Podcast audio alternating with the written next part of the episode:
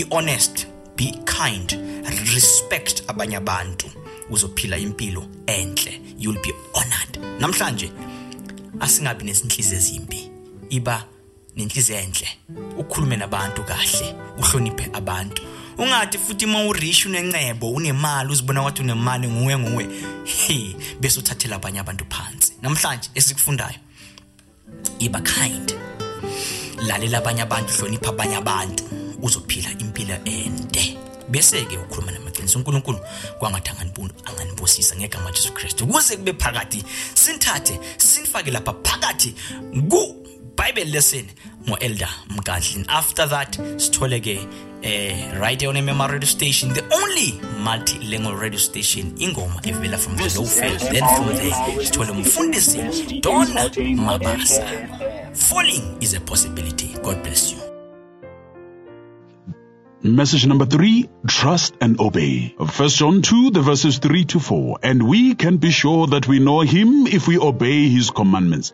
If someone claims, I know God, but doesn't obey God's commandments, that person is a liar and is not living in the truth. May the God of grace bless the reading of this passage. Amen.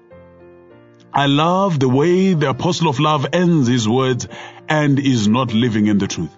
A modern translator would have added salt to injury and ended by, and is a hypocrite. But I love the earlier rendition because it leads us to the philosopher's question and Pilate's question to Christ in John 8 verses 38. What is truth? Before we proceed, why don't we pray together so that we may live in the truth? Kind and gracious Father in the heavens above, dear Lord, thy word is truth. Sanctify us by it, make us holy. Teach us that which we need to do, now and forevermore. In Jesus' name we've prayed. Amen. Point number one disobedience to God's commandments is unchristlike. Christ is the truth. Read with me John 14, the verses 6, open quotes. Jesus told him, that is Thomas, I am the way, the truth, and the life. No one can come to the Father except through me, full stop and close quotes. Therefore, the same text can be read as, and he is not living in the Christ. And it would be proper.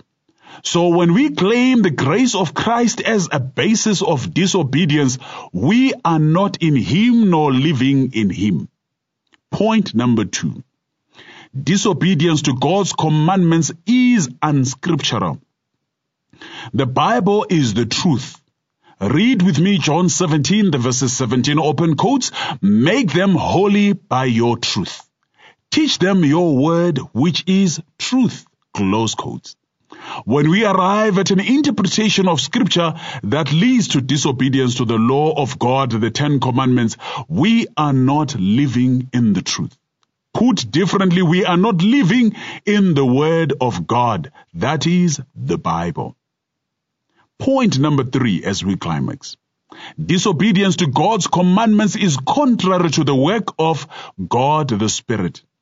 The Holy Spirit is identified in Scripture as the Spirit of truth in John 15 verses 26 and in 16 verse 13 and I read the latter.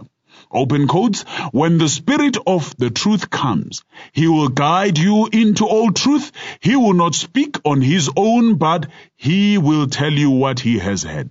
He will tell you about the future. Close quotes. Lastly, John 4 verse 23 says, But the time is come, indeed it's here now, when the true worshippers will worship the Father in spirit and in truth.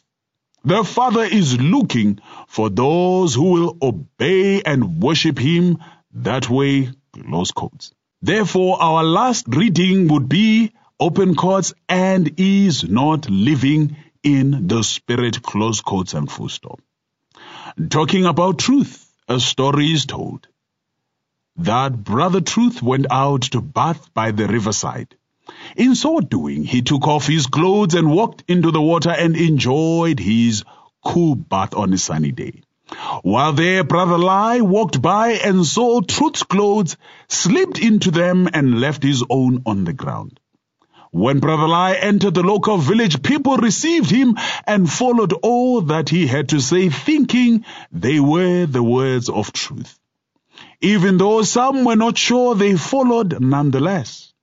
Back at the river, Brother Truth walked out refreshed, only to find his clothes gone.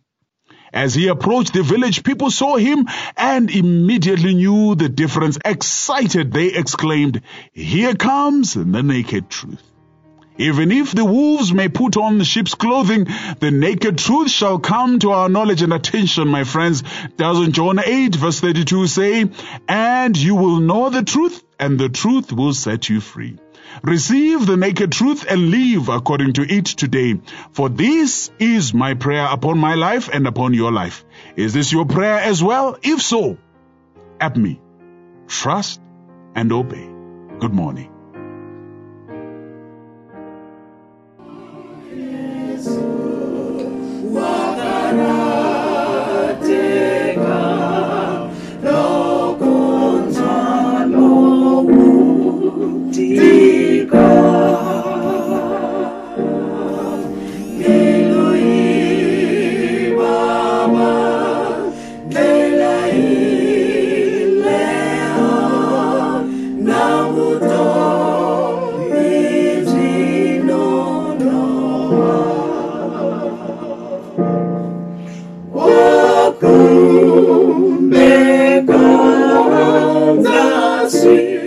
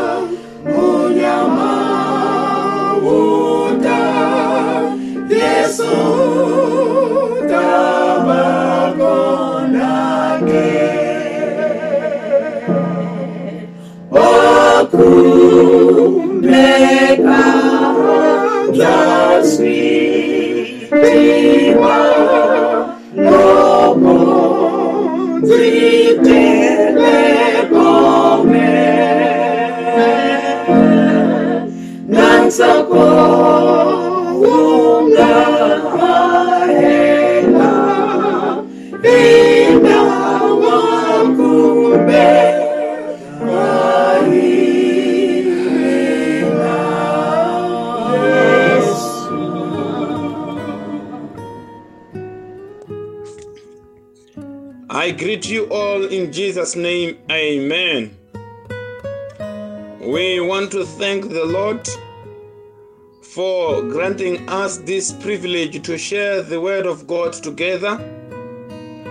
We want to start our small devotion with the word of prayer. Shall we pray? Our Father in heaven, we want to thank you in a very special way for being a good God unto us in times like these. Father God, as we are about to open your, your word, we dare not open it without your presence. We pray that, Father, you may be with us as we share your word with each other. Father God, we pray that you may instill understanding in our minds that after All has been said and done. Praise and honor and glory may come unto your name. We pray all this in Jesus' name. Amen. We are considering, brothers and sisters, the book of Second Kings, chapter 6. We are reading from verse 1 down to verse 7. The Bible reads, And the sons of the prophets said to Elijah, See now, the place where we dwell with you is too small for us.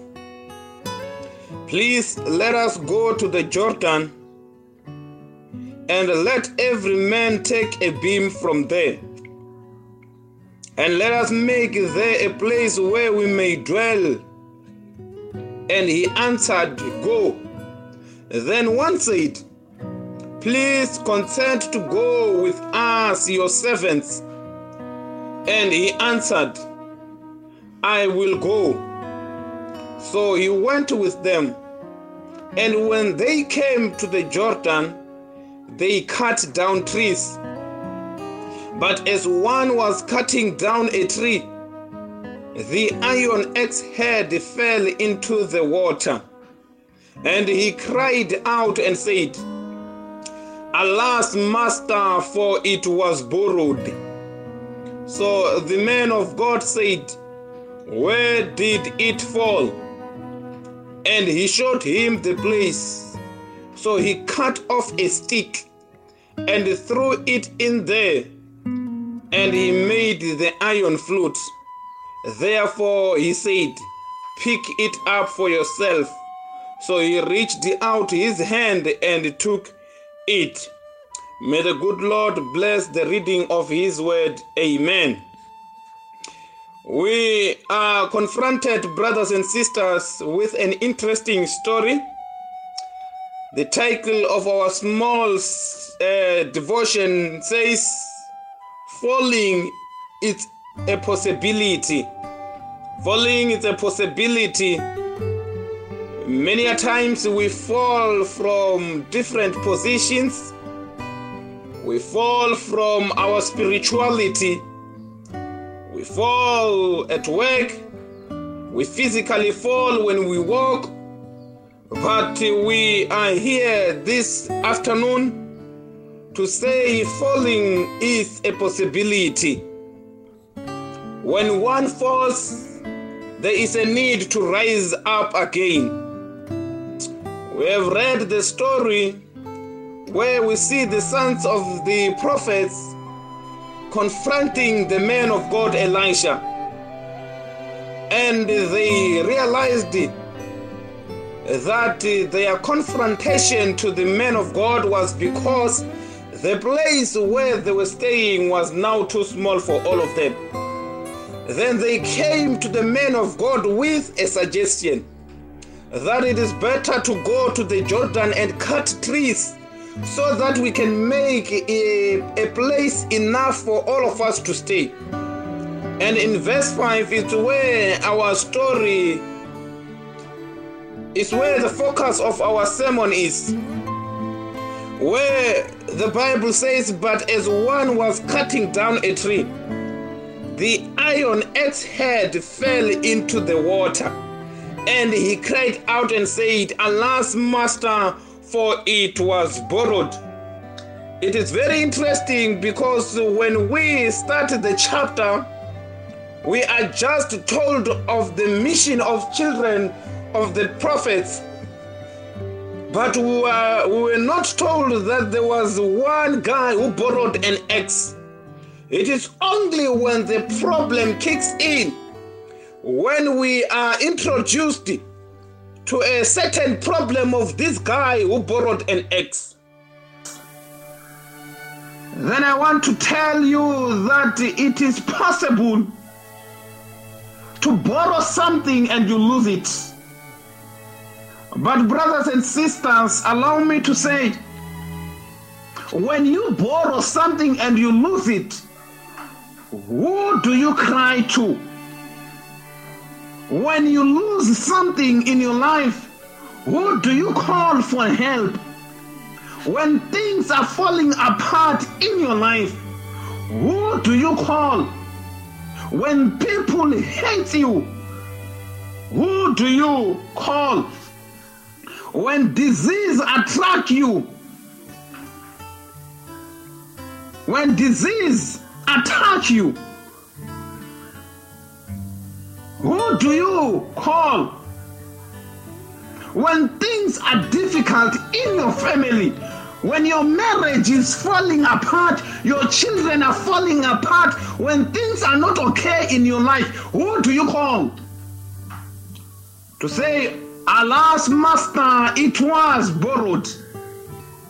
And I want to say, my brothers and sisters, when you get down to verse 6 when the man cried to the man of God he asked the man of God asked where did it fall and i have a challenge to all of us this wonderful afternoon that when things are not okay cry to your lord when things are not adding up in your family cry to the to the man of god And the man of God in verse 6 he asked, Where did it fall? And the young man showed the man of God a place, the exact location where the iron axe head fell.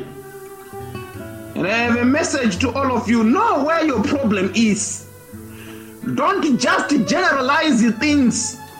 know the exact location of your problem know the exact status of your marriage know exact status of your children know the exact location of your problem so that when god asks you where did it fall you are able to show him the exact location of your problem because falling brothers and sisters is a possibility it is possible to fall with god It is possible to fall when you are a Christian, but that is not the issue. When you fall, who do you cry to? Where do you get your strength when you fall?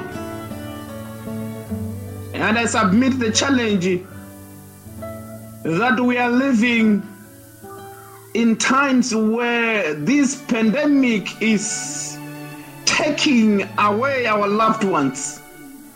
where this coronavirus is taking destroying families bringing confusion to families bringing this uh, uh, uh, uh, distress in families who do you call when things are like this and my message this afternoon brothers and sisters when things are like this When things fall apart, cry to your Lord.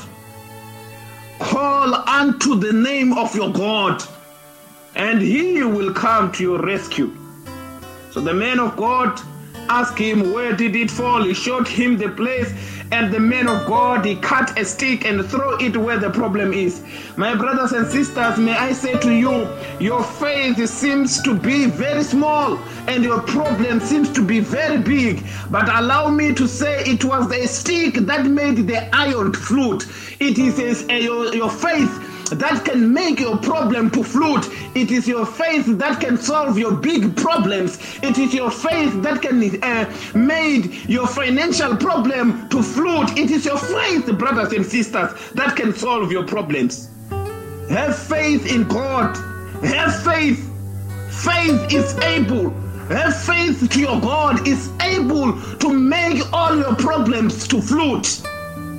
Where did it fall? Falling is a possibility, but falling is not the end of it all because there's a possibility again to rise again. Only when you allow God to take you by the hand. And this is our message that call unto the Lord when things falls apart. Call unto the Lord when people hate you for no reason. Call unto the Lord in times like these when corona is stressing stressing people. Call unto the Lord, and he will come to your rescue. And I pray that the Lord may be with you. I pray that the Lord may comfort you. I pray that the Lord may solve all your problems. I pray that the Lord may be your guide. In Jesus' name we do pray. Let us pray. Our Father in heaven, we pray that you may be with us, comfort us, and protect us in times like these. When things fall apart in our lives, we have realized that it is only unto you that we can cry to. Father God, we pray that you may be our guide and our protector in Jesus' name. Amen. Presented by Alex Crystal Sound Studio Production.